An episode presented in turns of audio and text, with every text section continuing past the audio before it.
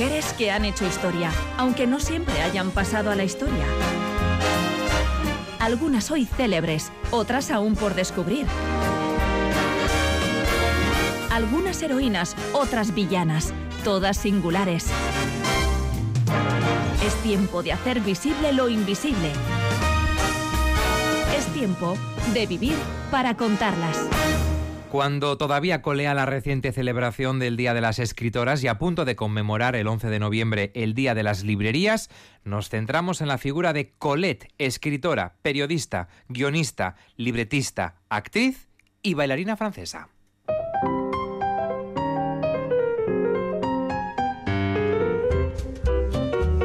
Cuando el género, hoy conocido como autoficción, ni siquiera había sido acuñado, Colette ya se inspiró en sus propias vivencias para dar forma a la gran mayoría de sus obras. Lo hacía, según ella, por falta de imaginación, pero su vasta creación literaria y su agitada vida demuestran todo lo contrario. Edurne Vaz, ¿qué tal? Hola. Hola, muy bien. Colette cimentó además un nuevo modelo de mujer en la sociedad francesa de finales del siglo XIX y principios del XX. ¿Fue una mujer transgresora? Lo fue sin ninguna duda. Para empezar, dio voz al deseo y al placer femeninos. Hoy, en Vivir para contarlas, repasamos la vibrante trayectoria de la mujer que sin vocación literaria previa pasó de escribir exitosas obras para su marido a convertirse en autora de fama mundial, emblema de las letras francesas, primera mujer en ingresar en la prestigiosa Academia Goncourt y, por si fuera poco, condecorada con la Legión de Honor. La mujer que buscó incansable el amor sin atender al sexo ni a la edad de sus conquistas, que disfrutó plenamente de la vida sin plegarse a las rígidas convenciones sociales de su época, que convivió gustosa con el escándalo y la provocación. La mujer que en resumen vivió varias vidas y todas interesantes.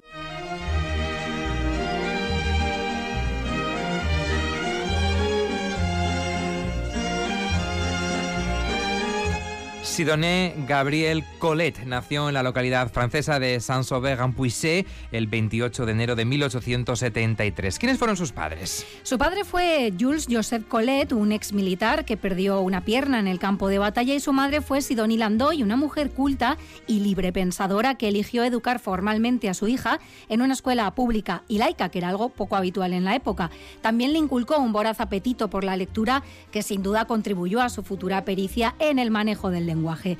La pequeña Gabriel disfrutó de una infancia cómoda y feliz en la casa de campo que la familia ocupaba en su pequeña villa de Borgoña y esto alimentó en ella un gran amor por el ejercicio físico, la naturaleza y de forma especial los animales. Nuestros compañeros perfectos nunca tienen menos de cuatro patas, escribió años después esta escritora la que era frecuente ver rodeada de gatos. Siendo todavía un adolescente, conoció al escritor Henri Gautier Villars, alias Willy, 14 años mayor que ella, vividor profesional, conocido libertino y sinvergüenza de talla olímpica. Con tantas experiencias a sus espaldas, al burgués, parrandero, carismático y embaucador Willy no le resultó difícil impresionar a aquella joven vivaz, curiosa y hambrienta de nuevas experiencias.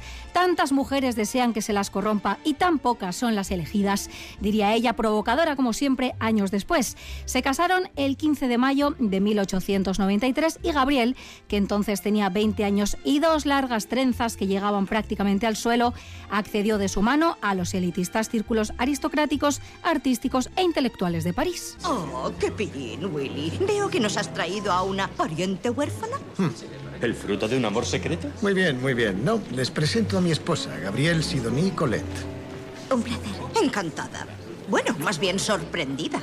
Querida, has logrado pescar a la anguila más escurridiza de todas. Oh, vamos, hermanos. ¿Cómo se hace eso? No lo sé. ¿Y cómo demonios os conocisteis? Nuestros padres sirvieron en el ejército. Willy Casado, se acabó tu época salvaje, ¿eh? Al contrario, ahora empieza su época salvaje. Así como escuchábamos, se recogía la entrada de Gabriel en sociedad en la película de 2018 Colette, que estaba dirigida por Wash Westmoreland y protagonizada por Kira Knightley y Dominic West. Bueno, no fue como vemos un aterrizaje particularmente sencillo. Willy se presentaba como crítico musical y escritor, aunque escribía más bien poco o nada. La pregunta es un poco obvia. ¿Quién lo hacía entonces? Bueno, él tenía varios colaboradores a los que explotaba en calidad de escritores fantasma, lo que común e inapropiadamente se conoce como negros. Se consideraba a sí mismo un empresario literario y no dudaba en pagar por críticas o reseñas positivas, incluso por morbosos cotilleos que le garantizaran un poco de atención y, a su entender, publicidad gratuita. Sus múltiples vicios y su frenético tren de vida colocaban al matrimonio en una constante situación de precariedad financiera. Él sabía que Gabriel escribía bien por las cartas que habían intercambiado durante su noviazgo y sobre todo porque ahora delegaba en ella su propia correspondencia. No contento al parecer con tenerla como secretaria, al siempre jeta Willy se le encendió la bombilla. No tendrían trabajo por su cuenta. Les presto mi nombre, mi reputación, asumo todos los riesgos y sigue sin entrar dinero. Hay que aumentar la producción. Contrata a otro escritor. ¿Con qué? No hemos ganado ni mil francos este mes. Oh, ¿Cómo podemos gastar tanto? La hipoteca, Matilde, restaurantes. Siempre pagas tú la cuenta, sin importar cuántos seamos. Es lo que se espera de mí. ¿Y las carreras y el casino? ¿Y qué hago? ¿Vivir como un monje o un campesino? No, solo digo que podríamos ahorrar. Tú. Tú podrías escribir. ¿Qué? Esas historias que me contaste de Saint-Sauveur el año pasado. ¿Las de la escuela? Sí, esa podría ser mi próxima novela. Inténtalo, empieza ahora mismo. Escribe cuatro horas seguidas.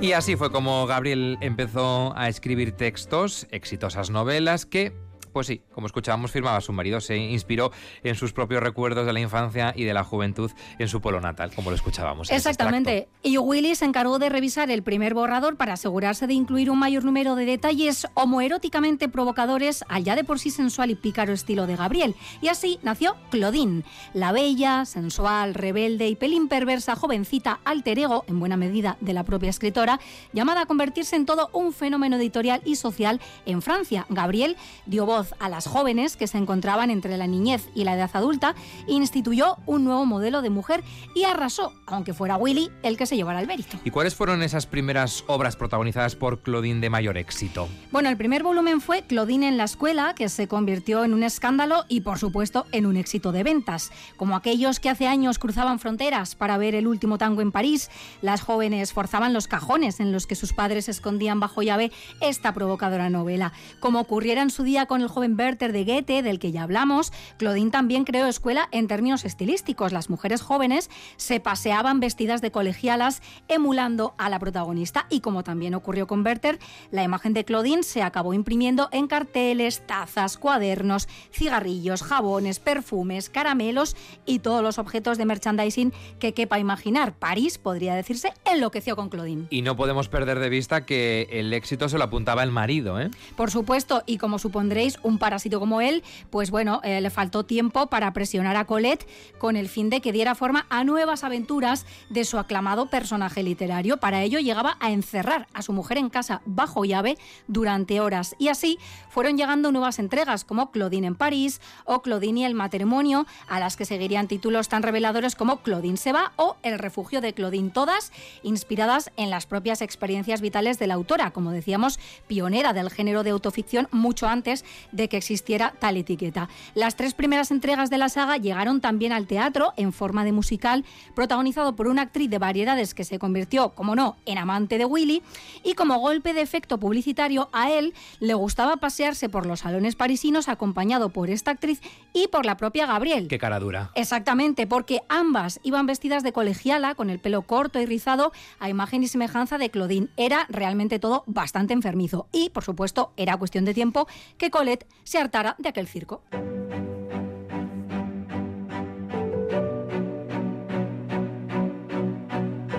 Todas, todos tenemos eh, límite, ¿no? Nuestra paciencia llega hasta cierto punto y la de la explotada Gabriel llegó en efecto a, a su límite, ¿no? El éxito de la saga Claudine contribuyó a afianzar en ella esa confianza y seguridad necesarias para dejar de soportar el comportamiento abusivo de su marido.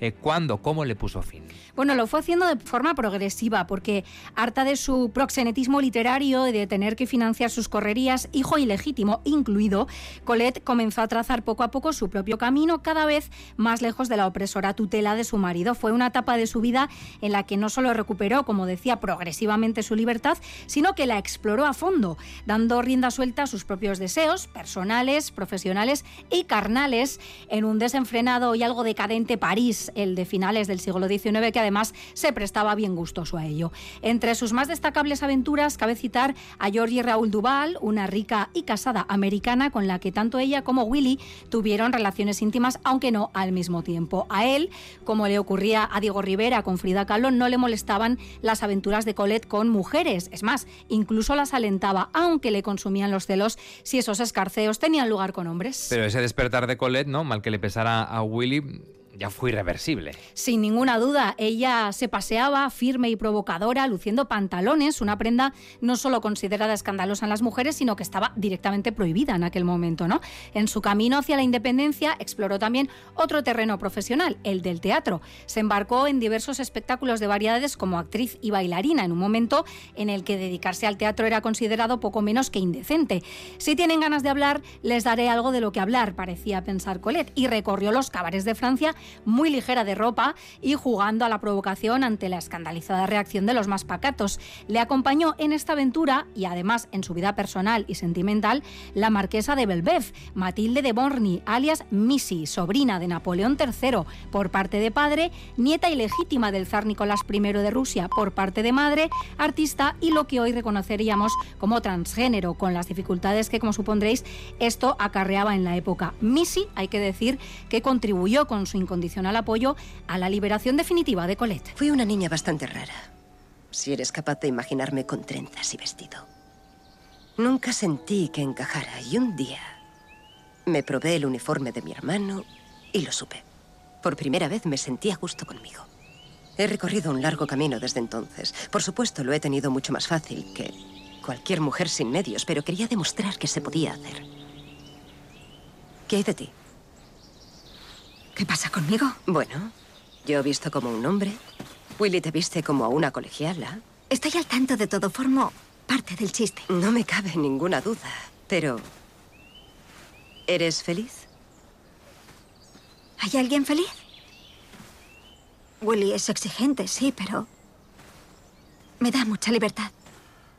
Te ata con una correa muy larga, pero sigue siendo una correa.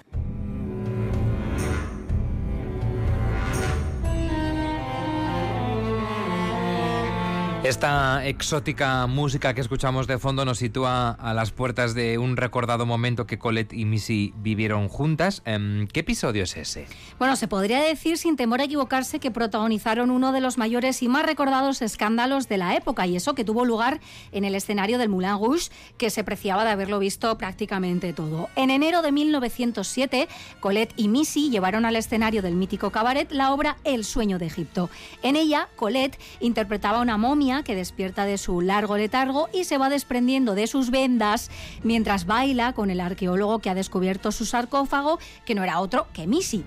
En un momento clave del espectáculo se besaban y esto fue demasiado, incluso para el Moulin ¿Qué reacción hubo?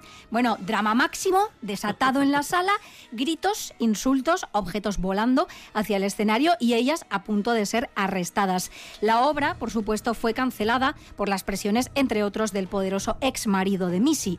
Con todo, no se achantaron y se fueron con sus espectáculos a otra parte, en busca de públicos más abiertos de mente. Missy, a la que su aristocrática familia retiró no solo la palabra, sino también el dinero, no volvió a subirse al escenario, pero ellas siguieron viviendo juntas varios años. Sus experiencias como actriz de variedades y las penurias económicas que pasó durante aquella época quedaron plasmadas en el libro La vagabunda, que Colette firmó, por supuesto, con su propio nombre. Para entonces ya había roto los que todavía le ataban a Willy, propietario legal de los derechos de sus anteriores obras, que por cierto acabó vendiendo, necesitado como siempre de dinero para financiar sus múltiples vicios.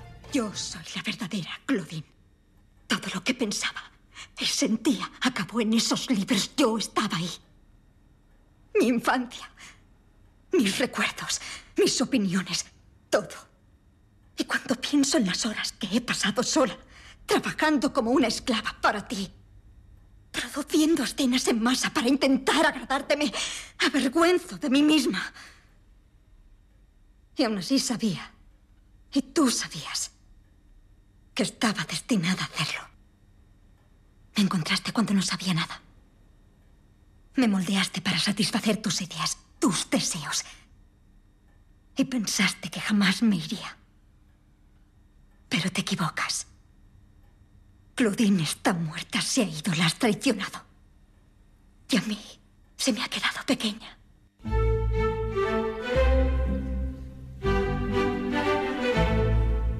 Seguimos avanzando en esta historia, en Vivir para contarlas. Hoy dedicado a Colette. En 1906 se separa de Willy y jamás volvieron a hablarse. A pesar de haber trabajado sin descanso, ella se fue con una mano delante y otra detrás, ¿no? No tenía absolutamente nada. ¿Cómo fue reconstruir su vida desde cero? Bueno, ya luchó por recuperar los derechos de sus libros y utilizó los manuscritos originales para demostrar su autoría que muchos años después y tras una larga batalla legal le fue concedida, independizada y reconocida como autora de sus obras, Colette fue afianzando su carrera como escritora. En 1911 volvió a casarse con el periodista Henri de Juvenel, redactor jefe de Le Matin y futuro político. Tuvieron una hija también llamada Colette, con la que ni padre ni madre tuvieron una relación demasiado estrecha porque básicamente fue criada por niñeras. En Le Matin Colette inició una carrera como periodista, incluso como cronista de guerra, firmando artículos, reportajes y críticas teatrales. Bueno, en 1923, tras 12 años de unión, el matrimonio se rompió, gran escándalo mediante. Eh, ¿Qué ocurrió esta vez? Bueno, Colette, que rondaba los 40, mantuvo una relación amorosa con el futuro filósofo y economista Bertrand de Juvenel hijo de su marido y por tanto su hijastro que tenía solo 17 años. Un argumento que la autora ya había explorado en una de sus más célebres novelas, Chérie, publicada en 1920 y que aborda precisamente la relación entre una mujer madura y su joven amante. Colette afrontó en este caso su segundo divorcio, aunque no sufrió en términos financieros porque para entonces era ya una escritora consagrada y respetada que seguía explorando nuevos campos. Por ejemplo, a principios de los años 20 colaboró como libretista con el compositor Maurice Ravel en la creación de la ópera en un acto El niño de los sortilegios. También colaboró en las adaptaciones teatrales de sus obras Chérie en el año 1921 y La vagabunda en 1923, que fue también el año en el que publicó Lo puro y lo impuro, una serie de relatos autobiográficos, por supuesto, de la escritora, en los que hablaba de amores de juventud, arquetipos eróticos, despecho, triángulos amorosos, entre otros asuntos.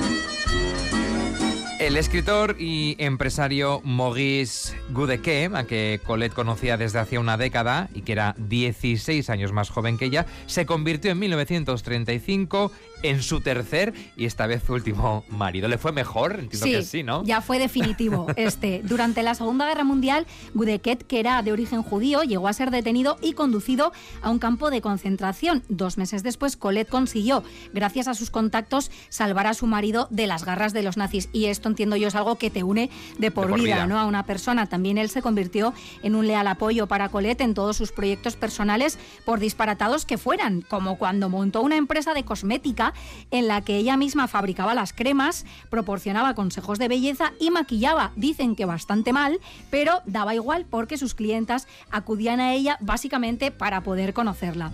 Compartieron el resto de sus vidas y Gudeket además resultó clave para ayudar a Colette a afrontar los estragos de una terrible artritis de cadera que a partir de 1944 acabó postrándola en una silla de ruedas. También debemos al bueno de Gudeket la iniciativa de recopilar e imprimir las obras completas de Colette que contribuyeron a que la fama de la autora trascendiera las fronteras francesas.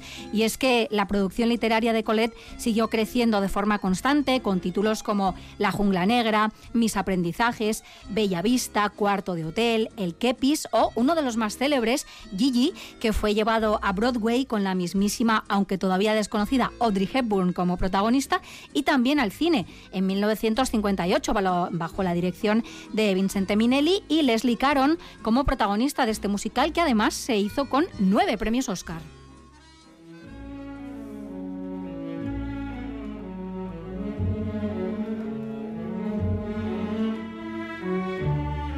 Al contrario que otras mujeres a las que hemos recuperado y visibilizado en este espacio, em, hay que decir que Colette sí eh, gozó del privilegio de ser reconocida en vida. Sí, en 1945, sin ir más lejos, se convirtió en la primera mujer miembro de la Academia Goncourt, prestigiosa sociedad literaria francesa que llegó a presidir entre 1949 y 1954.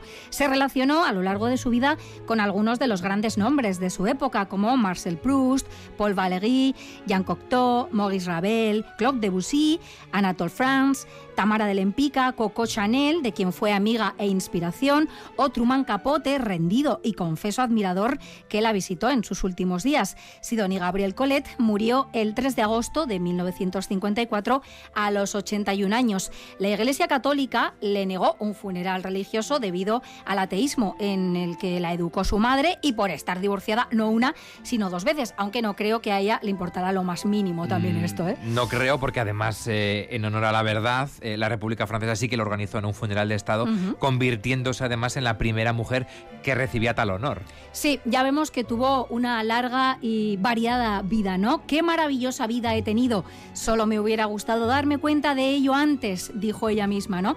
Esta escritora, actriz, bailarina, reportera, libretista, guionista de cine y hasta improvisada esteticista, nos legó una cuarentena de obras y colecciones de cuentos cortos que inspiraron a su vez más de 20 películas y un buen número de obras teatrales. En palabras de Judith Thorman, una de sus biógrafas y autora del libro Secretos de la carne, Colette es una guerrera de la libertad. Fue bastante egoísta y por eso no hizo causa común con otras mujeres. Creó un nuevo modelo de mujer, pero solo para sí misma. Y no fue, en efecto, abanderada de ninguna lucha colectiva, pero consagró su vida a defender el derecho a ser uno mismo y de forma directa o indirecta allanó el terreno a otras y otros. Con su provocativo estilo habitual nos recordó, y cito textualmente, que hay menos maneras de hacer el amor de lo que se dice, pero más de lo que se cree.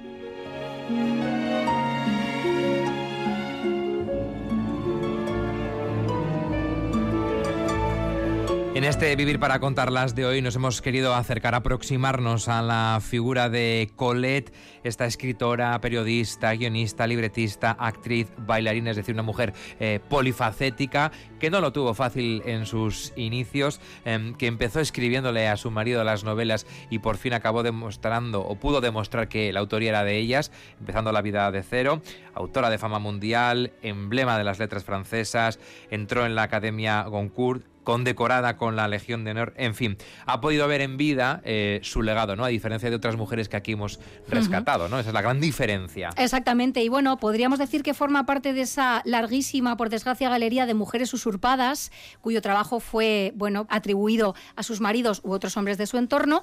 Ella es una de ellas, María Alejárraga, de la que hablaremos, es otra, y la semana que viene, en el próximo capítulo, hablaremos de Margaret King, pintora cuyos cuadros fueron usurpados por su marido, pero también acabamos sabiendo la verdad. Eso será en Vivir para contarlas con Edurne Baz, aquí en Déjate llevar y que también pueden volver a escuchar en ITV Podcast. Es que ratica, Agur. Agur.